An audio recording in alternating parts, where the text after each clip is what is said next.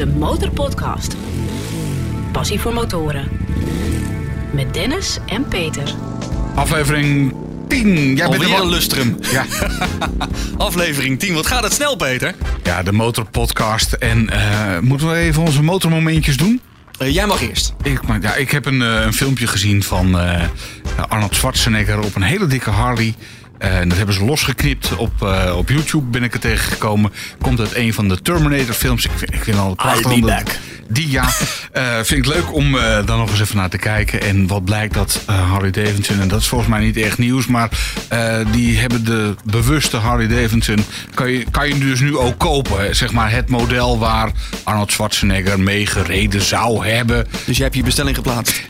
Nou, ik doe het even niet, want er komt er weer een paar duizend euro extra bij. omdat Arnie op het zadel ja, gezeten zou hebben. En dat gaat mij dan net even te ver. Hè. Maar op zich, het verhaal eromheen, ik, ik vind het allemaal weer mooi gevonden. En die bewuste scène dat hij een, eh, wat is het, een, eh, een clubhuis ingaat. En Ja. tegen een van die bikers zegt van, eh, I need your bike. En dat, Oh, ja. hij pakt hem meteen beet en slaat hij de tent kort en klein. En gaat uiteindelijk op die motor gewoon weg. Dat is wel grappig om nog even te zien. Ja, een motorfilmmomentje. om, om daar nou specifiek een motor voor te kopen, dat, dat gaat me dan even. Ja, mijn motormomentje. Ik was van de week even aan het flyeren in, in Zandvoort. Dus mocht je een flyer onder je eh, tankdop gevonden hebben, dan was die van ons. Ehm, maar ik, aan de ene kant dacht ik, ja, wat heeft de gemeente Zandvoort het netjes voor elkaar? Echt op de boulevard, aan het einde van de autoparkeerplaatsen, netjes een stukje voor motoren. Netjes aangegeven, direct aan de boulevard. Toen dacht ik, ja, wat netjes. En twee seconden later dacht ik, wat is het eigenlijk betuttelend? Want wij mogen gewoon mits netjes overal parkeren. En waarom zou de gemeente Zandvoort dat nou gedaan hebben? Ja, is het nou eh, netjes of is het betutteling? Ik denk zo dat jij goed al die flyers, eh, dat je al Oh, die motoren bij elkaar, dat je lekker die flyers er even onder kunt stoppen. Dat dat het idee is. Verder geen spannend motormomentje, maar wat ik wel nog leuk vond... is dat we op Insta eventjes gevraagd hebben... als we nou een BN'er zouden moeten uitnodigen... en ik had er een plaatje bij gedaan van Peter R. de Vries... welke BN'er zou jij dan aan het woord willen hebben hier in de Motorpodcast? Iemand schrijft eh, Katja Schuurman. Iemand schrijft ook in ieder geval niet Peter R. de Vries. Nicky Romero, Rico Verhoeven, Enzo Knol en Chimène van Oosterhout. Dus we hebben een lijstje die we kunnen gaan benaderen. Oké, en eh, Peter R. de Vries reed ook op de. Ja, die zat op een Harley op dat plaatje wat ik gevonden had. Dus Ah, eh, of die actieve rijder is, weet ik niet. Ja, dat, dat, dat zoeken we dan nog even uit. En dan nodigen we hem niet uit. We want nodigen hem niet uit. Hij is niet gewenst. niet gewaardeerd. Wie we wel uitgenodigd hebben, en hij zit inmiddels al achter de microfoon. Dat wordt in ieder geval door mij gewaardeerd. Dat is eh, Hugo Pinksterboer. Hij is de hoofdredacteur van Magazine. Van de MAG, de Motorrijders Actiegroep. De Motorpodcast.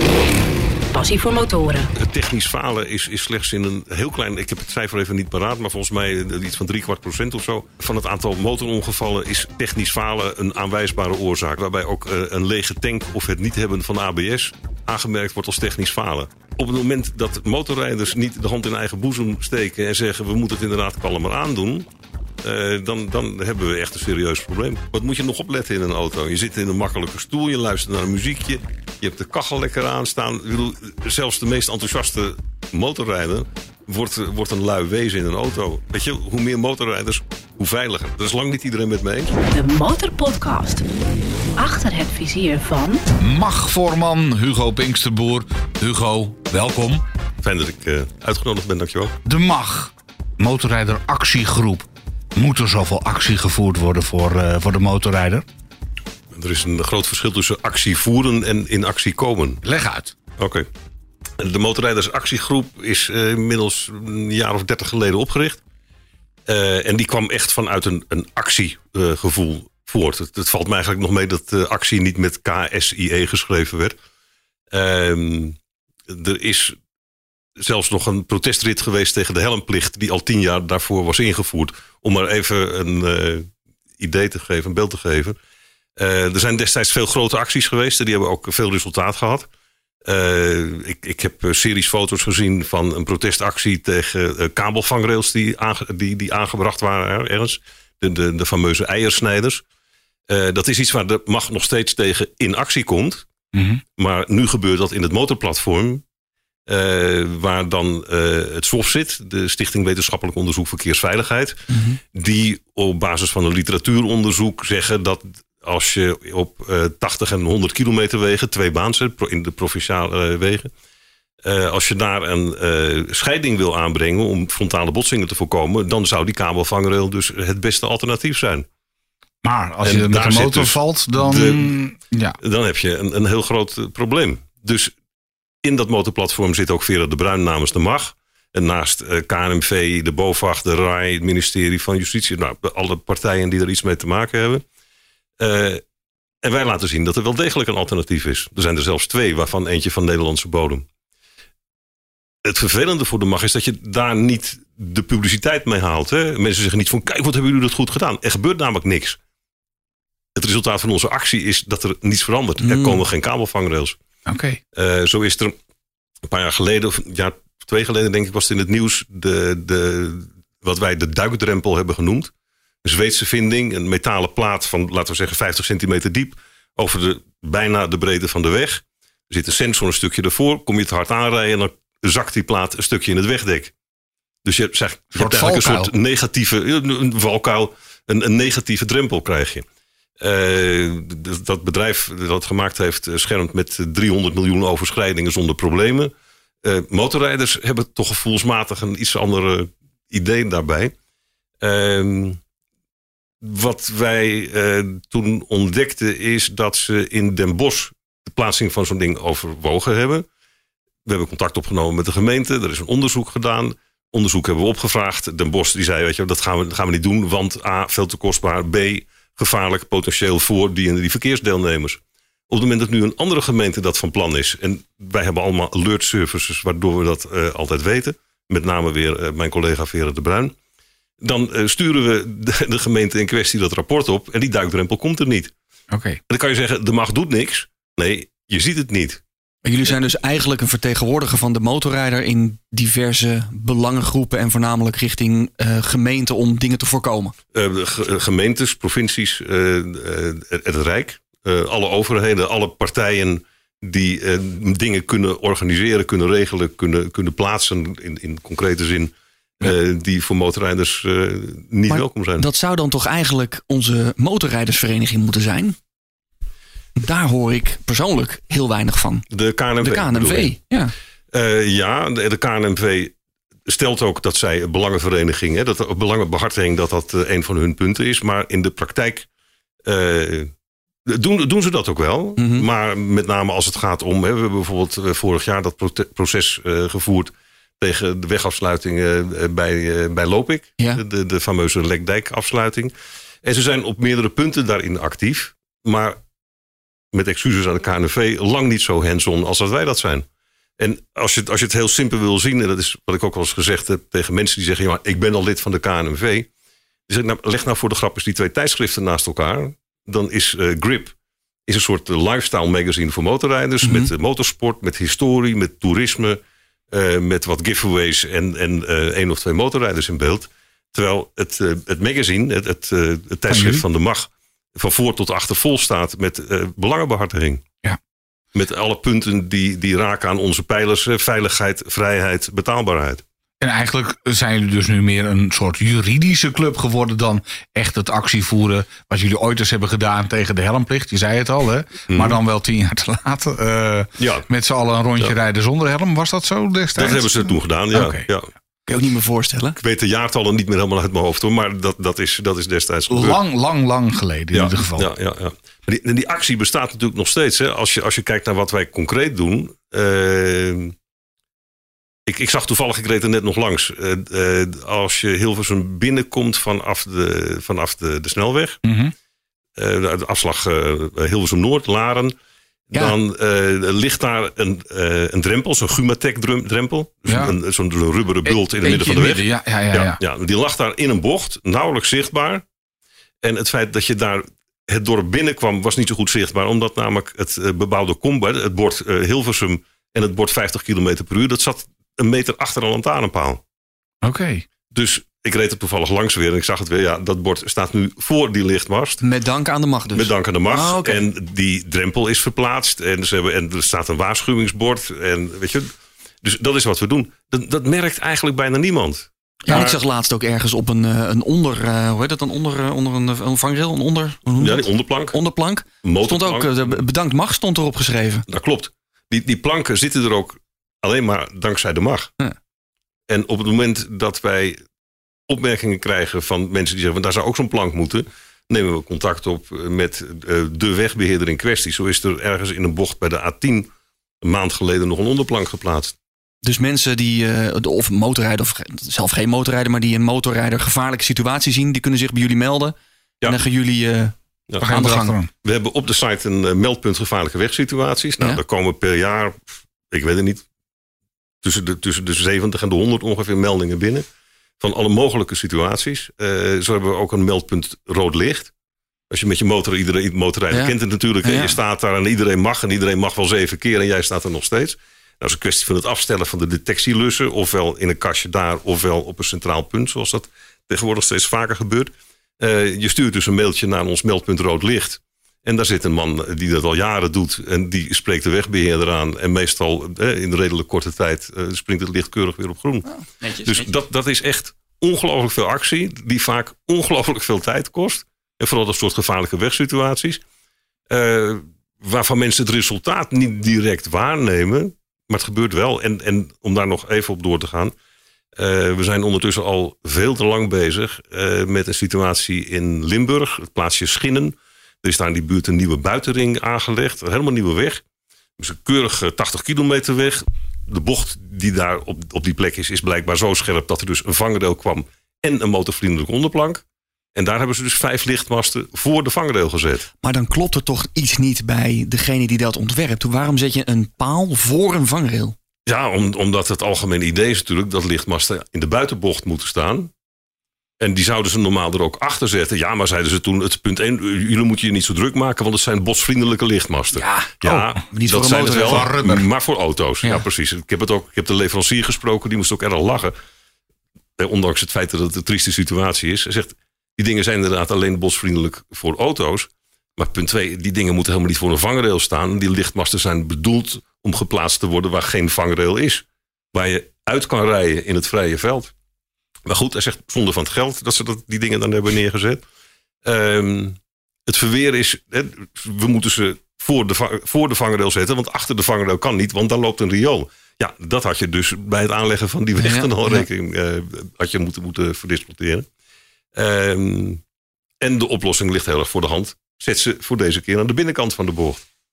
Nou, dat, dat weigeren ze. vinden het ook helemaal niet leuk dat wij ze verantwoordelijk houden voor het eerste ongeval. Maar de gemeente moet toch ook beseffen dat du moment dat daar een motorrijder eh, onderuit gaat, wat we niet gaan hopen natuurlijk, die tegen zo'n paal rijdt en dat uiteindelijk de gemeente aansprakelijk is voor het verkeerd plaatsen van zo'n mast, zijn ze verder van huis. Laten weten. Ja, ja, ja, dat hebben ze laten weten en dat vinden ze niet aardig van ons. Nee. Ja, dat, is, dat is heel vervelend. Maar daar gaan we dus binnenkort eh, weer eens zo'n ouderwetse actie voeren. Maar dat kost tijd. Dat, als je weet hoeveel tijd hier al in zit. En eh, waar ze ons dus van kastjes naar muren hebben gestuurd.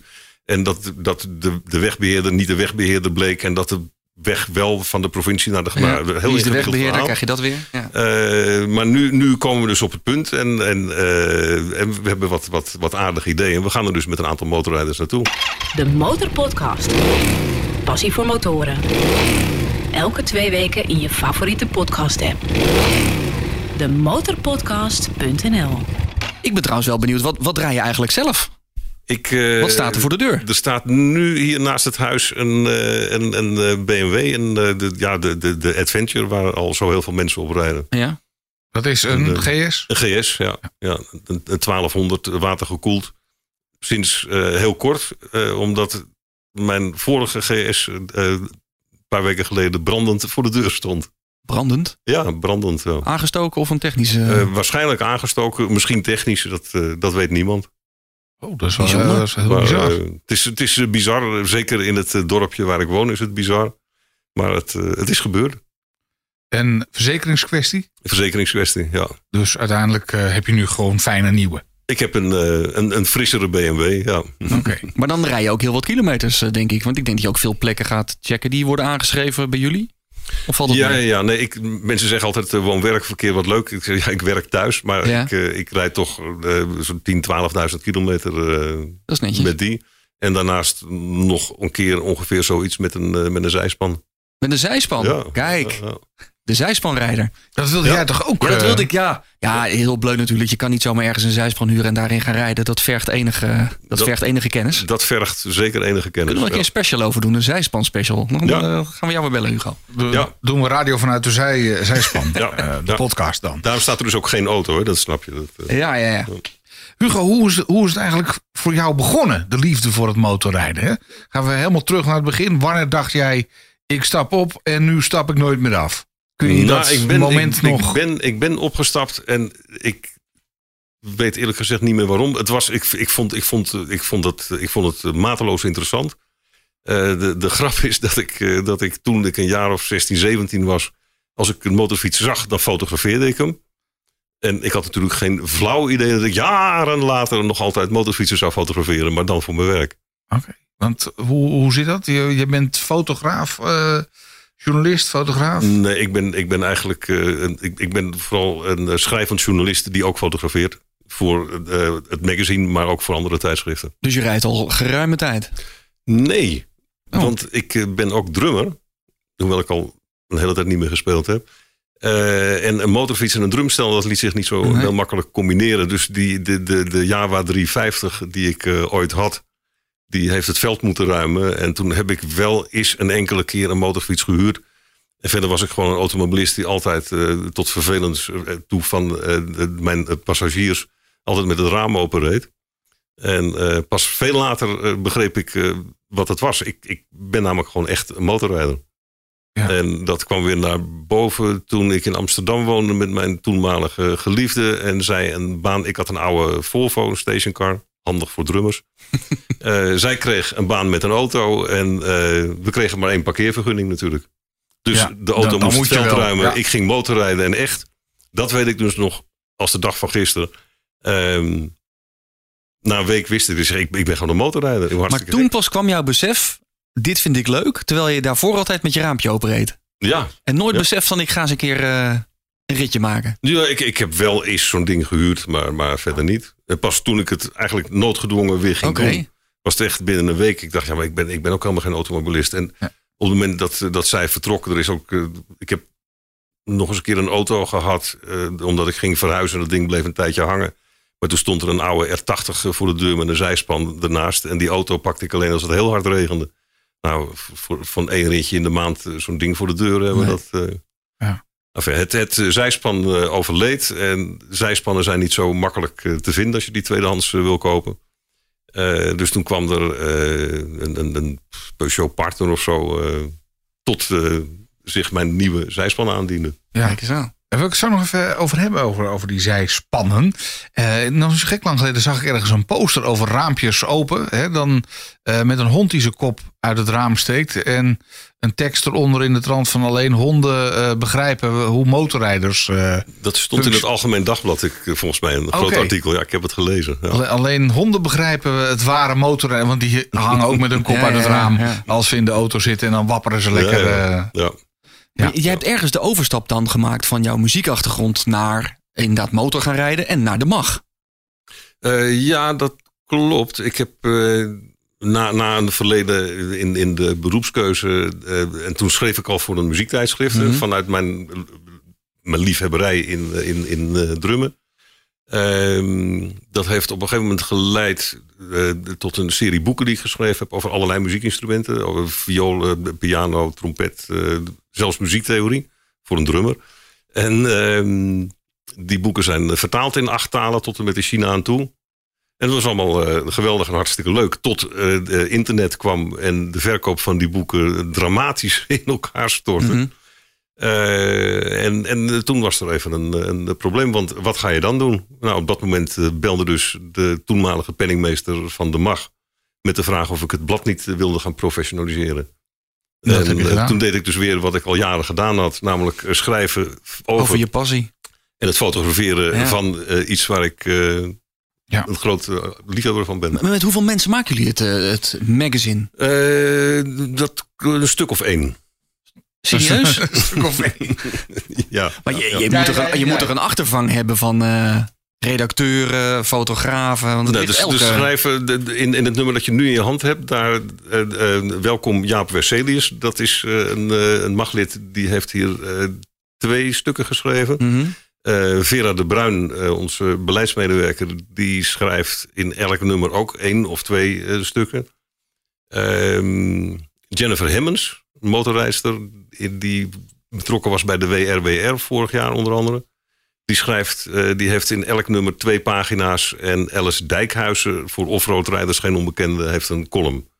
Maar dat is dus maar een deel van de 36 tot 44 pagina's die we maken. En de rest. eh, Ik wou net zeggen, dan, dan is het wel heel knap wat je, wat je, of wat jullie, wat je dan eigenlijk neerzet. Want het komt elke maand, ligt het op nee, de nee, deurmat? vijf keer per jaar. Vijf keer per jaar. Ja. Ben jij een lid, eh, Peter? Ik ben nog geen lid, maar dat ga ik zeker eh, doen. Eh, Doe. Ja, doen. Nou, met name, weet je, het, ik, ik persoonlijk, dat blad, daarvan denk ik, ja, het is leuk om dat te krijgen. Maar eh, ik ben zelf lid geworden omdat ik dacht van, ik kwam jullie tegen op de, op de motorbeurs bij, bij jullie stand.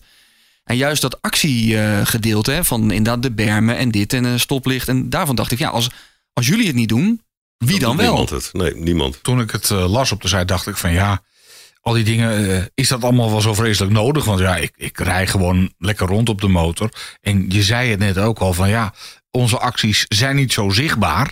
Eh, het wordt wel gedaan, maar eh, het is niet zo zichtbaar. Het blijkt dus wel heel erg noodzakelijk te zijn. Wat doen jullie er verder aan om dat bekend te maken? Behalve dat je nu hier achter de microfoon zit. We hebben onze website, die overigens verbouwd wordt, want die website is uit 1918, geloof ik. Eh, we zijn op Facebook actief, op Instagram, eh, op Twitter. Eh, wat ik sinds eh, anderhalf jaar alweer doe, is dat ik eh, artikelen die wij schrijven, die zeg maar voor, eh, van, voor een wat, wat algemener motorrijdersbelang zijn. eh 1, 2, 3, dit keer eh, vijf artikelen gaan naar de hele motorpers toe. En die mogen ze dan een week na uitkomen van het blad. Hè? Want als je lid bent, is het toch wel Ja. leuk dat je dan het als eerste leest. Ja. Mhm. ja. Eh, mogen die gepubliceerd worden, eh, integraal samengevat, eh, hoe mensen dat ook willen.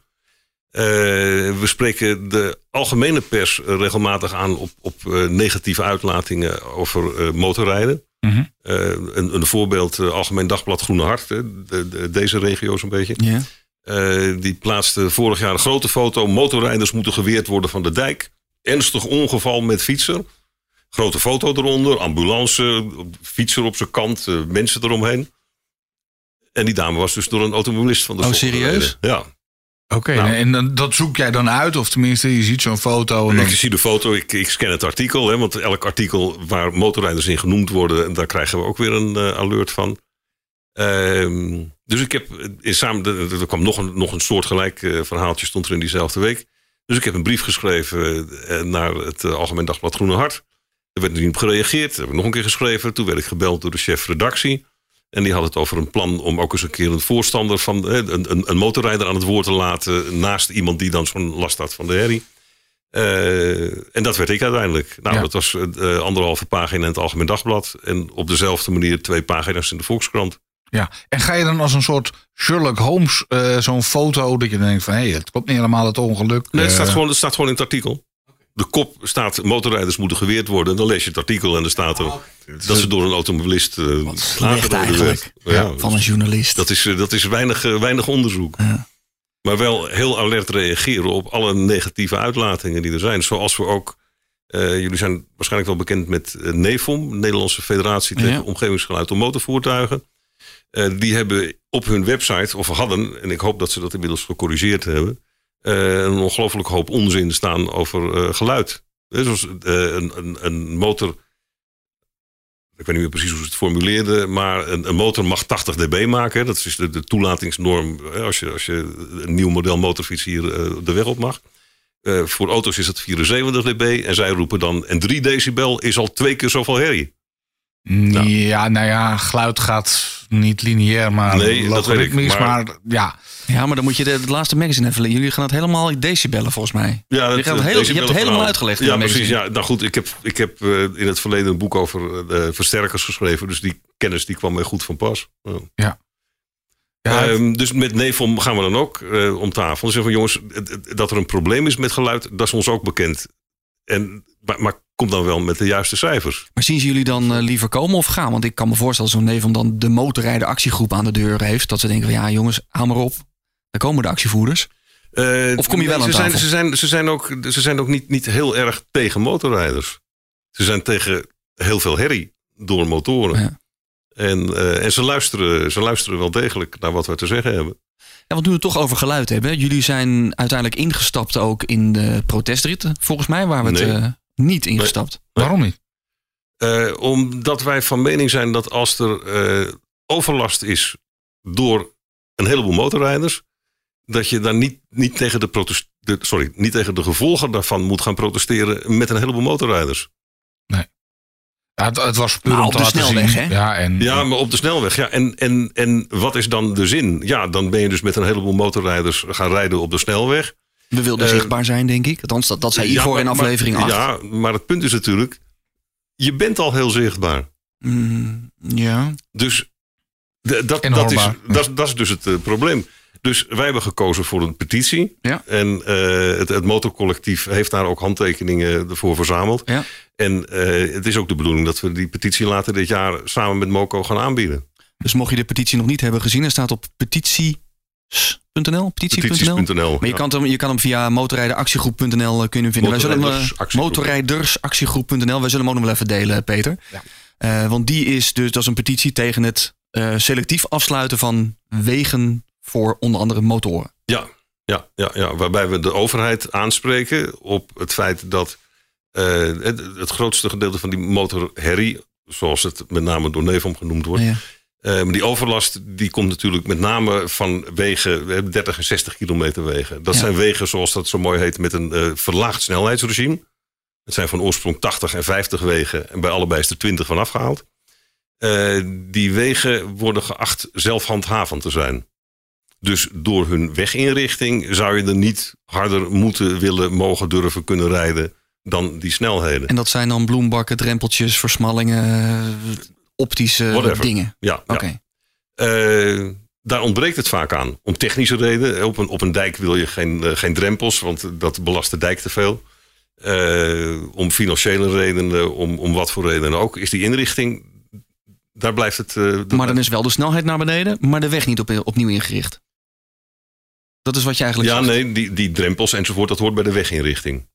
Ja, oké. dus een weg die 80 was, die nu is aangemerkt als 50. Daar is fysiek niks 60. aan veranderd, maar de snelheid is wel 20 naar beneden. Ja. En dan, en dan hoopt de gemeente dat iedereen dat netjes gaat rijden. Ja, maar op het moment dat je dus alleen maar een bord neerzet 60, Ja, dat gaat niet werken. dan ben je heel naïef als je denkt dat dat dus het gewenste effect heeft. Dus dat moet samengaan met eh, die weginrichting. Dat, Mhm. valt, even, dat, dat is ook wat in dat nieuwe nummer staat. Dat valt onder de E van engineering.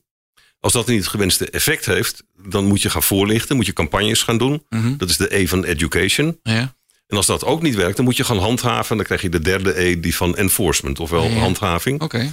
En wat wij tegen de overheid zeggen is dat wij eh, stellig van mening zijn dat als die drie E's erbij inschieten, als, als dat niet op een of andere manier gerealiseerd wordt of daar niet aan gewerkt wordt, dat je dan niet naar de vierde E mag grijpen, die wij dan zelf geïntroduceerd hebben, de E van entry denial.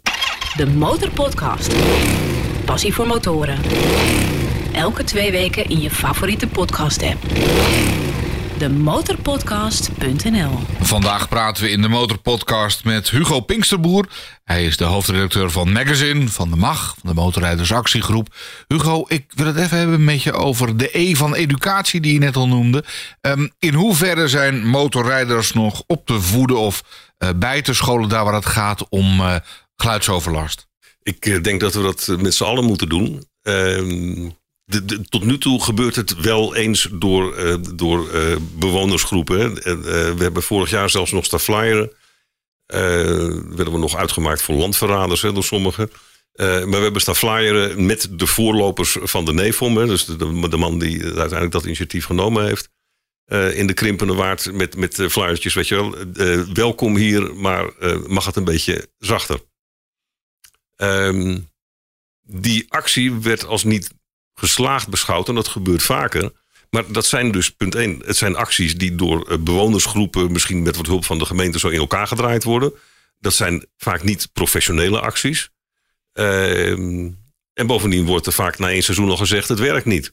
Nou, als ze gestopt waren met. eh, de, de- als Bob kun je thuiskomen voor het. Goed, iedereen weet. eh, Ja, de- dat soort eh, acties tegen Ja. alcohol. ja, dat, dat, dat is niet in, in drie maanden. Nee, zeggen ze van jongens, dat, een paar Eén jaar. actie is geen actie natuurlijk. Nee, dat heeft, dat heeft jaren geduurd. En ondertussen mag je, kan je er niet meer mee aankomen op een feestje als je zegt van... eh, Nou, ik heb aardig wat gedronken, maar ik kan nog wel rijden. Nee, Want inderdaad. dan word je door je, die, bewustwording, die bewustwording, dat duurt even. Ja, dat duurt even. En dat geldt voor motorrijders ook. En daar willen we dus eigenlijk dat de overheid zich daar ook voor inspant om daar iets eh, mee te doen. En dan ook gedragen door de motorbranche. En ik weet ook zeker, ik ken ook iemand van een organisatie die laatst nog zei.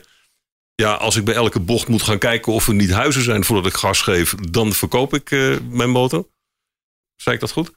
Ehm, dan, dan is er geen lol meer Ja. aan.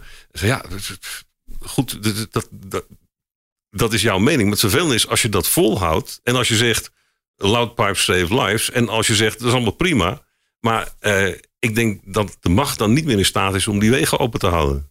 Want dan, dan gaan ze Ja, dan dicht. krijg je Het ergens een kantelpunt. Ja, dan ga je er altijd Ja, ga je het je, verliezen. het is, het is, en, en nog steeds, dat zie je op Facebook ook. Ja, het zijn allemaal van die, van die azijnpissers. Die zijn vanuit de stad eh, naar een dijk gaan wonen. Ze wisten dat er motorrijders waren. En nu, nee, de waarheid is gewoon... een miljoen Nederlanders hebben last van verkeerslawaai. Motoren, voor het aantal motorrijders dat er zijn... scoren daarin angstig hoog. Maar toch, je zegt verkeerslawaai. Eh, als ik nu soms omkijk, dan denk ik, wat hoor ik daar? En dan komt er een, een, een, een auto voorbij waarvan je denkt van ja... Over, eh, hebben mensen hier dan geen overlast van? Eh, Of een, of een, eh, Ja. een grote vrachtwagen, Ja. zoveel tonner met extra Ja. laadbak aan de achterkant. Nee, die, dat, Dubbel die zo lang van de Albert Heijn, want dan gaat het laten lossen zo makkelijk. Maar je zal die door je straat krijgen. Ja, dat klopt. Maar het gaat natuurlijk specifiek om die dijkwegen... waar al die motorrijders allemaal op alle mooie dagen naartoe gaan. Ja. De Cabrio MG's, Och man. die maken ook een fijn Ja. geluid. Ja, nee, dat is, dat is, dat is, dat is absoluut waar. Het, het laatste wat je alleen moet doen op het moment dat je als groep aangesproken wordt Is op een andere is aanwijzing. natuurlijk. Ja, Ja. dat is waar, dat is waar. Ja, maar mama, maar zij begon. Ja. Weet je wel, dat, Nou, daar- hier komt daar de zijn we- actiegroep, daar, eh. zijn we toch, daar zijn we toch allemaal, eh, denk ik, hoop ik, iets te volwassen voor. En het punt is, we moeten gewoon kijken naar wat er gebeurt, naar de klachten die er zijn. Naar het feit dat er, eh, ik geloof, 30, 35 bewonersgroepen zich aangesloten hebben bij de NEFOM. En je kan er donder op zeggen met het RIVM eh, en met, met alle cijfers die er bekend zijn over eh, wat, wat geluidsoverlast kan doen met je gezondheid, je fysiek, je, je, je psychisch, eh, psychisch welbevinden. Ja, dan, dan op het moment dat motorrijders niet de hand in eigen boezem steken en zeggen we moeten het inderdaad kalmer aandoen, dan, dan hebben we echt een serieus probleem. Nou, laten we de hand dan even in eigen boezem steken. De uitlaat met het klepje. Ook leverbaar voor jouw motor. Heb ik eh, pas eh, Eh, gelezen. in in mijn motor zit in die uitlaat zit een klep. Oké, Maar die is dus absoluut niet bedoeld om bij bepaalde toerentallen meer herrie te geven. dat soort uitlaten worden wel geleverd. Hè? Heb je een knopje op je stuur zitten? Je, je hebt het over Jekyll en Hyde. Jekyll en Hyde uitlaten. Ja, ja, ja. Ja. die voldoen dus keurig aan alle regels. Ja, als het klepje dicht zit. Als het klepje open zit ook, anders zouden ze nooit goedgekeurd worden. De, de vraag is, kijk, het, het, allergrootste probleem zit hem, zit hem niet zozeer in die uitlaten. Ik, een, een eh, kennis van mij, eh, ik noem in Assendelft, ik woon in, sorry, hij woont in Assendelft, maar ik noem verder geen namen. Eh, die rijdt op een oude Harley, die rijdt met een oude Suzuki. Hij zegt, ja, die uitlaten hartstikke lek. Maar als ik hier het dorp in kom, dan rijd ik gewoon heel kalm. Is er niks aan de hand. Je kan ook met een herrie uitlaten. Als je er, lang, als je er rustig mee rijdt, is er niks aan de hand. Maar als ik met deze BMW of de vorige of welke willekeurige motorfiets een bocht uitkom en ik trek hem Ja. vol open in z'n twee, dan veroorzaak je overlast. Ik bedoel, zo simpel is het. Het gaat dus niet zozeer om die uitlaat. Hoewel natuurlijk die open uitlaten wel eh, moeten verdwijnen. Dat, dat, dat kan je gewoon niet maken. Maar het gaat, het gaat vooral om die rechterhand. Ja. Als je die beheerst. En als je dan wel vol op het gas wil, ja, dan moet je dus naar een circuit. Waar overigens de regels voor geluid heel streng zijn. Mhm. En er zijn dus motoren die wel op de weg toegelaten zijn, maar waarbij bij elk circuit gewoon eraf gelazerd Ik wou wordt. net zeggen, want eh, dat, weten we circuit- inmiddels. Voor, ja, er, er werd Ja. er eentje van het circuit gehaald omdat hij te veel. eh, dat circuit wil ook geen overlast veroorzaken voor zijn Nee, vergunning precies. natuurlijk. Nee. En, en even voor de duidelijkheid, ik, ik eh, ben niet roomser dan de paus hoor, maar wat we. Ik wou net vragen, van trek je hem zelf nooit even open? Ja, natuurlijk wel. Maar niet meer in die ene prachtige bocht bij Nee. mijn dorp. Waar je echt prachtig zo hè, vanaf een rotonde komend. Een mooie slinger. En dan vol op het gas in z'n twee. En er staat daar een boerderij. Ja. In die bocht. En ik, ik weet zeker dat die mensen overlast Ja. eh, bezorgen. Maar het, het, het, het teken aan de wand hè, voor, voor alle motorrijders die nu luisteren en zeggen: ja, die, die Pinksterboer, eh zo de flikker op. Weet je, ik doe wat ik wil. En het zijn toch die azijnpissers. En jij ook. Maar ehm, lees bijvoorbeeld laatst eh, in Motor 73 en Promotor het stuk van Jan Kruithof. Eh, de voormalig eigenaar van Promotor en nu de, de, de man van die twee bladen. Die zegt precies hetzelfde verhaal. Schij alsjeblieft uit met die takkenherrie. Weet je, daar zit niemand op te wachten. Nee. Eh, Motor Plus neemt er stelling tegen. Eh, uitlaatfabrikanten krijgen steeds meer vraag naar stillere uitlaten. We hebben echt bij de macht nog nooit eerder meegemaakt. Motorrijders klagen over motorrijders. En dat waren er niet één, dat waren er dit jaar een heleboel. Maar komt dat niet door, eh, door corona? Dat we allemaal wat meer thuis zitten? Dat we allemaal een korte lontje hebben? Doordat het gewoon eens een keer opvalt dit jaar? Corona heeft de zaak zeker geen goed gedaan. Nee. En wat de zaak ook geen goed gedaan heeft, is in dat eerste weekend dat het echt prachtig weer was. Ja. En dat eh, eh, de overheid RIVM opriepen om niet naar buiten te gaan tenzij het noodzakelijk was. Toen werden er echt honderden, zo niet duizenden motorrijders die. Maar jij bent toch ook gaan rijden? Ja, ik, Ik ook. ben, nee, ik ben, ik ben niet gaan rijden. Nee, nee ik, ik rij. Voor mij was het toen noodzakelijk hoor. Nee, Dus- ik, ik moet, maar ik ben, ik ben in die zin een ontzettend vervelende motorrijder. Ik, van waar ik woon naar waar ik wegga, er zijn allemaal leuke bochtjes. En verder rijd ik eh, met die 20.000 kilometer in een jaar. De- de- het, het gebeurt zelden dat ik in een weekend denk... ik ga eens even lekker een stukje rijden. Want dat heb ik dan al gedaan. De Motorpodcast. Passie voor motoren. Waar zeg jij van, nou, dit is zo mooi, daar moet je in Nederland een keer gaan rijden? Ik heb geen flauw idee, zal ik je dat vertellen? Nee, geen tip, eh, Ik- geen nee. rijtip? Nee, nee, nee. Ik heb in de buurt van mijn dorp een paar prachtige, een paar prachtige bochten... waar ik altijd van geniet. Eh, ik, ik rij zelf heel graag in Frankrijk. Ik ben heel benieuwd naar Frankrijk. Ik heb mooie foto's gezien, maar eh, Ja, ik vind Noord-Holland, ja, er zijn, wel, er zijn wel dijkjes, maar dat zijn ongelooflijk smalle dijkjes. Ja, en niet dan, dan ben je dus zeker in het weekend. Ik, ik, ik ben laatst ik ben naar de Vlist gereden, hè, waar ook dus veel overlast ervaren werd, omdat ik het zelf wilde zien. Ik heb daar eh, staan fotograferen, Mhm. ik heb met wat mensen gesproken. Ik heb eh, motoren geteld. Ik heb ook geteld hoeveel mensen er dan, eh, dat kon je op die foto's makkelijk zien, hè, met, of zonder handschoenen reden.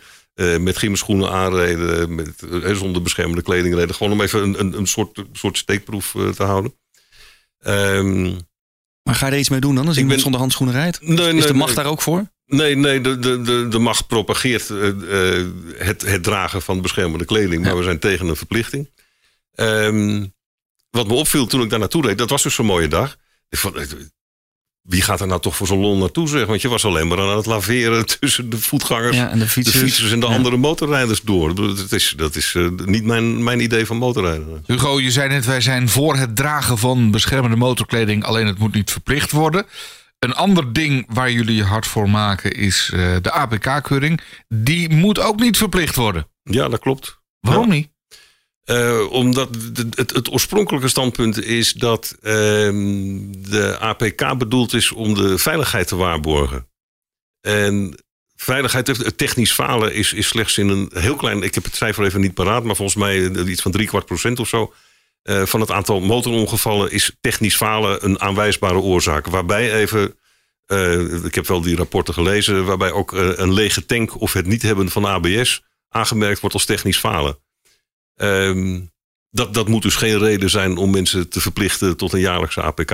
Oh, ik dacht dat het ook met uitlaten te maken had. Want als je dan naar de APK moet voor, eh, voor een keuring, dan moet de originele uitlaat eronder. En als je een open dingetje hebt gemonteerd, dan. Als er een, ja, dan, dan kom je ook niet door de APK. Maar veiligheid was, het, was al het eerste punt natuurlijk. Eh, nu is het zo dat bijvoorbeeld die, diezelfde neefom roept... eh, en wij willen een APK voor motoren voor het geluid. Waarop wij zeggen, ja, dan maak je je achterban dus blij met een dode mus. Want eh, de gemiddelde motorrijder die pakt de, de foute uitlaat eraf... zet de originele eronder en wisselt het de dag na de APK, APK weer terug. Ja. Dus daar, daar word je niet heel veel wijzer van. Ik zit even te denken, zit, zit er dan niks positiefs aan een mogelijke APK? Want als ik eh, een, een APK-gekeurde auto, hè, daar wordt ook mee geadverteerd, dan, dan kun je vertrouwen dat die in orde is. Nou, ik denk dat die APK voor motoren, voor auto's alleen maar positief is op het moment dat die toevallig net gekeurd is. Maar voor een heleboel automobilisten is het natuurlijk ook een soort schrikbeeld. Ik wil die auto eigenlijk verkopen, maar over drie maanden is die APK al. Dus dan is Ja, hij nog niet goed gekeurd. Dus Maar dat je- heeft, dat heeft een, een keerzijde ook. Maar je hoort ook verha- verhalen van, van motorrijders die een motor kopen waar eh 30.000 op de teller staat en wat gewoon eh 130.000 blijkt te zijn. ja, maar wat dat onderzoek. heeft dan met die APK weer niet te maken. Anders dan dat als er zo'n APK zou zijn dat de tellerstand dan geregistreerd wordt. Eh, dat, is, beslist een, een feit. Maar om nou een APK in te voeren om geregistreerde tellerstanden te krijgen, eh, dat is weer Ja, een dat is ook een beetje overdreven. Die tellerregistratie komt er namelijk wel voor motoren. Mhm. Eh, de boeiende vraag was dan, dat mensen zeiden van, ja, maar als en daar, daar, daar was de mag ook blij mee, hè? Tellerregistratie is, is niks mis mee, dat, dat voorkomt misbruik. Toen riepen er meteen mensen op Facebook, ja, maar als je daar voor bent, dan ben je dus ook voor de APK. Nou, nee. Ehm, want in dat, dat interview dat we daarover gedaan hebben, wordt ook duidelijk gemaakt dat eh, er geen sprake is van een tellerregistratie als je bijvoorbeeld je motor zelf onderhoudt. Of het bij je buurman om de hoek laat doen. Want die registratie zou alleen plaatsvinden bij een... Op het moment dat je met je dealer. motor komt bij een RDW-erkend bedrijf. Dan moet hij die registratie Ja, plegen. En daarbuiten Ah, niet. En wat er dus gebeurt, bij monden van de, de Martin Huisman van de, van de vereniging Aanpak Tellenfraude, is er komt een tweedeling. Er zijn straks eh, motoren te koop eh, met en zonder eh, bekende tellerhistorie. Ja, terwijl Nou, die als- zonder bekende tellerhistorie niet schadelijk hoeft te zijn. Want dat kan een hele eerlijke kluts, knutselaar zijn. Dat, dat kan, ja. Ja, Dat kan. Wel wel benieuwd wat jij gaat doen met de bekende vraag... wat ga je doen met 100.000 euro? Die vraag hebben we altijd aan onze gasten. Denk er maar eens goed over na, want we gaan zo meteen nog één keer stellen. Het Ja. moet aan je passie opgaan. Aan Dus de het- motor dus. Je mag ook 20 redacteuren aannemen. Ja, nee, Maar je mag ook naar Frankrijk gaan rijden. ja, nee ik, ik zou dan toch zeggen. eh, Nou, hou hem nog even voor je. Hou hem nog even voor je. We komen zo meteen op terug. De Motorpodcast. Passie voor motoren. Nog even terug naar die andere passie van je. Rijden met een zijspan. Een zijspan, eh, daar zou je eventueel je drumstel mee kunnen vervoeren. Maar volgens mij is het leuker om rond te rijden met eh, je geliefde in de zijspan. mijn dochter, mijn geliefde dochter, eh, vooral met Die- haar fiets achterop. Ja. Fiets achterop nog ook op de zijspan. Ja, dat Toen, kan. mijn, toen ik mijn eerste zijspan kocht, toen zag ik na een tijdje dat er een trekhaak achter zat. Toen kwam ik een keer bij een zijspan treffen. En toen zag ik opeens dat ik niet de enige was met een trekhaak. Nee, ik was een van de weinigen zonder aanhanger. Oh, Oh, die vervente zijspankampeerders, die hebben gewoon zo'n zo'n kar in de garage staan met de tent en de hele klerenzooi erin. En die klikken ze eraan vast, dan gaan ze rijden. Wat lachen. Doe jij dat ook? Eh, nee, nee, nee. Maar ik heb die trekhaak wel gebruikt. Om er een, eh, want ja, een zijspan waar je geen fiets op kan meenemen, daar schiet je niks mee op natuurlijk. Nee. Dus ik heb een eh, trekhaak met een fietsendrager erop. Ik ben wel de enige, moet ik zeggen. En, en waar, waar moet je nou op letten als je, als je echt met een zijspan... Want je denkt bij jezelf, oké, het is wat te doen. Ja, jij wil hem graag een keer huren. Ja, ik dacht daar heel simpel over, maar dat, dat kun je dus niet zonder chauffeur, want je hebt, een, je hebt wel enige kennis nodig. Eh, je, de, je, ik, heb deze, ik heb mijn eerste zijspan gekocht van iemand. En die zei, maar je gaat, je gaat dus eerst zo'n training doen, anders krijg je hem niet mee. Ja. Er is ook geen, geen zijspanhandelaar Nee. die een proefrit laat maken als je niet ervaring hebt. En eh, ik, ik weet nog één verhaal uit een heel oude eh, motor, geloof ik. Motormagazine van, van, van toen. Eh, ervaren motorrijder en die zegt, ik wil een keer op jouw zijspan. Nee, dat ga je niet doen. Ja, ik ga het wel doen, want ik weet een parkeerplaats, die is heel groot.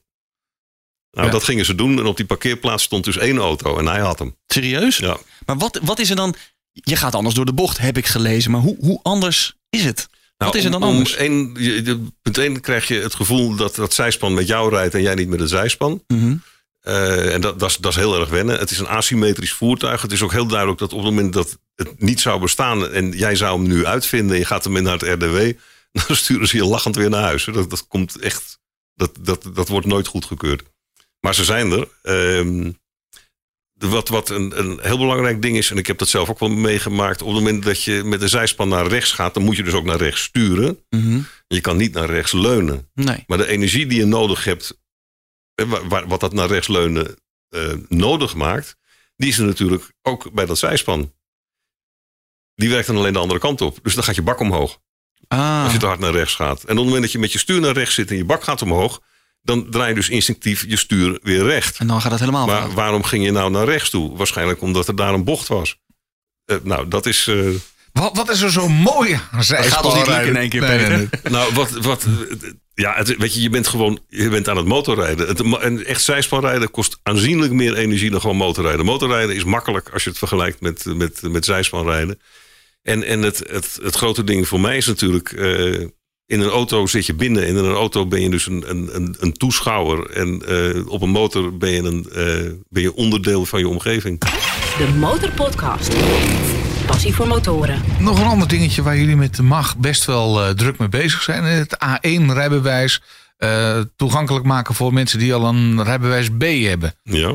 Waarom is dat zo vreselijk nodig? Ik heb laatst eh, in het kader van dat artikel dat ik daarover geschreven heb, eh, heb ik een paar dagen met een 125 gereden, ook op de snelweg. En je leert er waanzinnig door anticiperen. Want? Eh, Je moet gewoon- Je, je moet wel, want eh, met, een- met een beetje een motorfiets kun je je uit een situatie redden door gas te geven of te remmen. Met een 125 kan je alleen maar remmen. Dus het, dat hele begrip ruimte om je heen rijden is met een 125 aanzienlijk lastiger. Maar het kan natuurlijk wel. En ik, ik ken verschillende mensen die jarenlang met een 125 door het land gingen. los daarvan, en dat is natuurlijk een heel belangrijk argument, het mag overal. Je bedoelt Duitsland en eh, Frankrijk. Wat ik nog niet heb, maar wat ik graag zou willen hebben, is wat is er nu gebeurd met de ongevalscijfers onder motorrijders eh, op het moment dat dat ingevoerd werd? Bij mijn weten zijn ze niet gestegen. Heel belangrijk voor motorrijders in Nederland is dat in de afgelopen tien jaar eh, overleden er gemiddeld 50 motorrijders per jaar in Nederland. Er zijn nu veel meer motorrijders. Tien jaar geleden was het gemiddeld 80 per jaar. Met veel minder motorrijders. Wat zou er nou gebeuren als je dat doet? Wat is er in andere landen gebeurd als je dat doet? Daarnaast denk ik, en dat is heel belangrijk, dat de meeste mensen die dan zullen kiezen voor met je B op een A1 gaan rijden, dat die niet per se een lange stuk op de snelweg gaan rijden, maar dat op provinciale wegen doen. En dat, dat kan prima. Maar je mist toch een heel stuk eh, de educatie, het gevoel van tweewielerrijden als je met een, een B-rijbewijs op vierwielen rijdt? Dat klopt. We zeggen ook niet dat je dat zonder lessen moet doen. Dus net als in de landen om ons heen. In Duitsland moet je geloof ik negen lessen volgen. In, in België zijn het er wat minder. Eh, daar, daar zou je dan zeker afspraken over moeten Oh, oké. maken. Dus Ja. het is niet zo kort door de bocht dat je met een B gewoon op twee wielen Nee, nee, nee, nee. Want alsnog gebeurt dat regelmatig. Hè? Je hebt de, de, de driewielers die nu eh, in de mode zijn. Waarbij de wielbasis minimaal zoveel moet zijn, dan is het een B-rijbewijs. Ja. En, en eh, Ja. maximaal zoveel of zo. Er zit een, Klopt. Ja, heeft met je wielbasis te maken. Ja, ja, Piaggio heeft dat op een gegeven moment ontdekt. Die maas in de wet. Een hebben centimeter korter. drie centimeter verder uit elkaar Juist. gezet. En Voetrem dan- erop. En toen mocht het. Maar dat is toch levensgevaarlijk? Ik heb het in de ongevalcijfers niet teruggezien. Nee? Nee. Nee. Soms zie ik wel eens mensen rijden. en denk Ja, ben je nou een autobestuurder of ben je een motorrijder? En, en Ja. je, gaat, je hebt wel drie wielen, maar je kan. Eigenlijk vind ik dat je je moet gedragen als een, een tweewieler. Ja. Want je gaat op eenzelfde manier door de bocht. Ja. Ja, Je bent klopt. net zo kwetsbaar. Ja, daar is destijds niet tegen geprotesteerd. Niet door de macht, niet door de KNVB. Geen actie. bij. Nee. Is helemaal niets gebeurd. en, en ik denk nu, weet je, hoe meer motorrijders, hoe veiliger. Dat is lang niet iedereen met me eens. Eh, er beginnen ook natuurlijk meteen weer mensen te roepen van, eh, nog meer lawaai. Nee, maar die mensen op die 125, die gaan niet toeren. Die willen gewoon Ja. makkelijk naar hun werk. Geen file. Niet met een bus en een stukje zus en een stukje zo. Niet in de file, maar gewoon op je 125 overal tussendoor. En daar zijn ze echt prima geschikt voor. En waarom zeg je dan hoe meer van dat soort motorrijders, hoe veiliger? Nee, hoe meer motorrijders, hoe veiliger. Kijk, we worden nu vaak niet gezien, omdat we maar met zo weinig zijn. En, Mm, ja. eh, kijk, er zijn landen waar je echt niet moet gaan fietsen. Dat is levensgevaarlijk, omdat ze er niet aan gewend zijn. Hier in Nederland zijn automobilisten niet gewend aan motorrijders. Is dat zo? Want motorrijders, eh, of er nou 600.000 mensen rijden of, of, of 2 miljoen. eh, Ik, ik vraag me af of mensen in een auto dan beter om zich heen gaan kijken op de snelweg bijvoorbeeld. Als je Nou, ziet hoe slecht mensen auto rijden. Ja, nee, inclusief dat mijzelf hoor, want ik ben ook geen voorbeeldige rijder. Maar Nou, het vervelende is met, met, eh, met, met auto's, is dat die, die auto maakt je zelf een beetje lui. Hè? En zeker naarmate er meer veiligheidsvoorzieningen en tussen de lijntjes blijven rijden. Wat moet je nog opletten in een auto? Je zit in een makkelijke stoel, je luistert naar een muziekje. Je hebt de kachel lekker aanstaan. Ik bedoel, zelfs de meest enthousiaste motorrijder wordt, wordt een lui wezen in een auto. Sorry voor de generalisering hoor. De Motorpodcast. 100.000 euro voor je motorliefde. Wat ga jij ermee doen? Stel je krijgt hem 100.000 euro. Kaching. Moet helemaal opgaan aan motorrijden of iets wat aan de motor gerelateerd is. Wat ga jij kopen? Of hoe ga je het uitgeven? Nou, ik zou dan wel zo'n reis naar eh, Marokko eh, maken, bijvoorbeeld. hè. Zo'n zo'n zo'n eh, offroad reis zou ik zeker doen. Eh, Met je huidige motor? Nee, met een lichtere motor, denk ik. En dan daarna een keer met een zwaarder. Nee, ik moet niet zeuren ook. Peter Loosley hebben we ook een keer geïnterviewd voor, voor Motoplus. Die, die is op zijn zeventigste met de GS. Toen- Toen had hij net zijn motorrijbewijs weer opgehaald. En die is gewoon gegaan, weet je wel. Dat, Ja. het, eh, het kan. Ik ben al lang geen zeventig. Ehm Dat kost niet zo heel erg veel, toch? Bedoel, van, Nee, van de dat- 100.000 dat- dat- euro dat, kost niet zoveel. Er blijft nog, er blijft nog wel wat over. Eh, ja, dan toch een andere, een andere motor aan dat zijspan. Want een eh, Honda Pan European is een fantastisch trekpaard ervoor. Maar niet de meest sexy motor die er is. Als ik mezelf heel... En welke, welke wordt het dan? Nou, je zou denken zelfs aan een, aan een Triumph Rocket. Maar ik moet zeggen dat een, eh, een, een willekeurige allroad met een brede stuur ook eh, een goed idee zou zijn. En daar dan een zijspan aan? En daar een zijspan aan. Ja. Oké. Ja. Dat is wel een hele... Ja, is die ton nog niet op. Hoewel ik je moet zeggen dat als je een, eh, zo'n motor koopt... en die kost dan met alles erop en aan zo'n zo'n 30.000 euro... En nog 20 voor de bak en 10 voor het aanbouwen. En dan ben je toch wel voor een groot deel door je geld heen. Oké. Een zijspancombinatie van 60.000 euro is helaas geen uitzondering. En je moet er ook een beetje mee kunnen rijden, Peter. Dan, eh, Ja, Oké, kilometers nou, maken, toch? Het is, eh, dan is de ton wel op. Nou, dat is heel duidelijk. ja toch? Dat is mooi. Hij zit er weer op, aflevering 10 van de Motorpodcast met Hugo van de Motorrijders Actiegroep. Als je nou denkt van, hé, hey, die, die mag interesseert me wel. Ik wil dat magazine een keer zien of zien wat de mag doet. Motorrijdersactiegroep.nl, toch Hugo? Vat ik het zo goed samen? Eh, ik, ik denk zelf heel nuttig werk voor ons allemaal. En heel veel dingen die besef je niet, maar gebeuren wel langs de weg. En eh, ja, volgens mij meer dan, eh, dan het geld waard. En het is een mooi magazine, dus petje af. Vond je deze podcast leuk? Laat het weten via je favoriete podcast app. Abonneer je eventjes, dan zijn we er over twee weken weer. En als je het leuk vindt, tip ons eventjes bij een andere motorrijder. Want hoe meer zielen, hoe meer vreugd. De Motorpodcast. Passie voor motoren.